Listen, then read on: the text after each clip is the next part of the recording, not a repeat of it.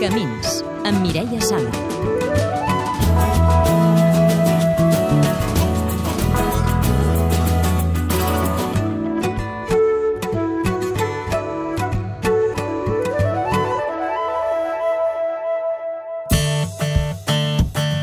Senecbé Capecú, refugiat polític. Estoy perseguido mm, desde mi país por razones de activismo política. Llego aquí en 2006. Había leído un libro que se llama Transición y también sé más o menos la experiencia que España tiene en, en temas de, de dictadura, que hubo refugiados también aquí. Entonces, una de las principales razones para elegir España Exempresari a Togo. me iba pero muy bien. Tenía mi tienda de electrónica y también eh, mi negocio de, de venta de coche, porque estamos en un puerto que entran muchos coches desde Europa y la gente que están en países que no tienen mar Sí. vienen en Togo para comprar.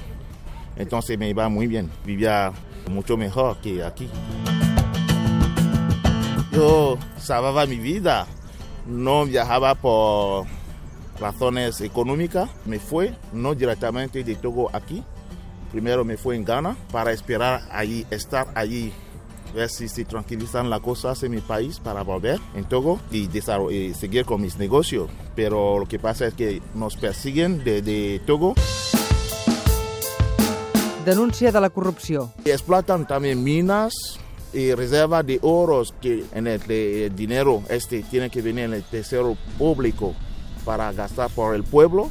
No tenemos carretera, no tenemos muchas cosas que podría gastar este dinero en estas cosas, pero lo llevan entre ellos, que explota oro con algunos ladrones franceses para poder hacer estas cosas y- y no puede ser. De refugiat polític a econòmic. me estoy dando cuenta que voy a pasar de un ref- refugiado político a un refugiado económico, que no tengo trabajo ahora hace tres años casi, viviendo ahí con tres niños, una mujer y que no, no tiene trabajo tampoco y tal, que no es fácil.